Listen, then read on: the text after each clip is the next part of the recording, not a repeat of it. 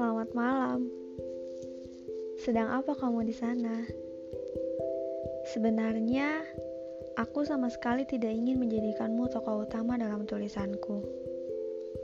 Awalnya, aku hanya ingin menuliskan tentang apa yang aku dengar dan apa yang aku amati di sekitarku. Tanpa sekalipun berniat menjadikan kita menjadi tokoh utama di dalamnya. Karena kita sama-sama tahu untuk menjadi tokoh utama itu tidak pernah baik-baik saja, bukan? Aku ingin menjadi naif dengan terus berpikir bahwa kita selamanya akan baik-baik saja. Rasanya baru kemarin ya membuka bab pertama tentang kita, tentang sebuah perkenalan yang berujung saling ketertarikan. Melalui hari demi hari dengan candaan, bertukar suara via udara hanya untuk sekadar menanyakan kabar. Bertukar kabar hanyalah alasan. Sesungguhnya aku rindu. Aku rindu suara kamu. Entah kenapa, rasanya menenangkan sekali ketika aku mendengarmu banyak cerita. Seolah suaramu adalah vitaminku. Aku tak tahu apakah kamu merasakan hal yang sama atau hanya sekedar tak enak jika menolak panggilan suaraku. Gak apa-apa, apa pun alasan kamu dulu, aku tak perlu tahu. Yang jelas, jika kamu mendengar ini, kamu harus tahu bahwa aku pernah benar-benar merasa bahagia hanya dengan mendengar suaramu. Rasanya juga baru kemarin kamu menjemputku ke rumahku untuk mengajakku keluar dan menghabiskan waktu di akhir pekan bersama.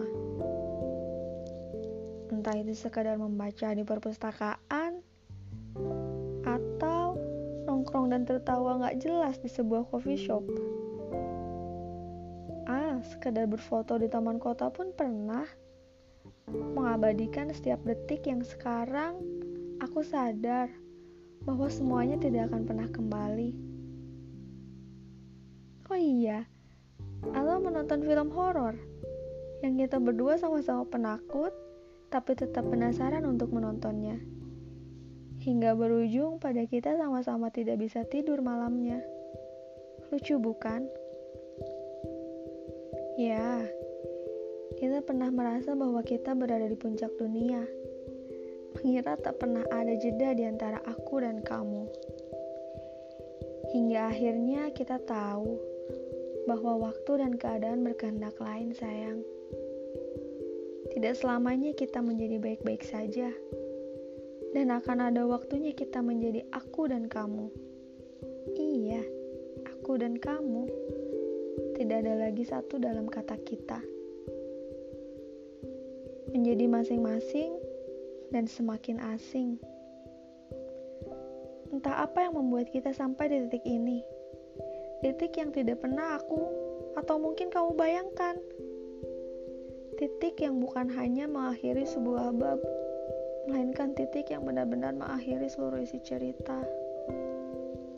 Memaksa seluruh pertanyaan pembaca menggantung tanpa pernah mendapatkan jawaban memaksa seluruh kerangka cerita bahagia runtuh tanpa pernah tersentuh. Memaksa sebuah akhir yang diharapkan memberi tawa menjadi luruh berantakan. Titik yang membuatnya benar-benar berakhir tanpa benar-benar berakhir. Dan membuat semuanya selesai tanpa pernah sungguh-sungguh selesai. Sebuah akhir yang membingungkan, bukan? Ya itulah aku dan kamu yang dipaksa selesai tanpa kata usai. Ini seperti mimpi buruk, tapi sayangnya ini nyata. Bahkan mimpi buruk yang kuingat pun tak pernah seburuk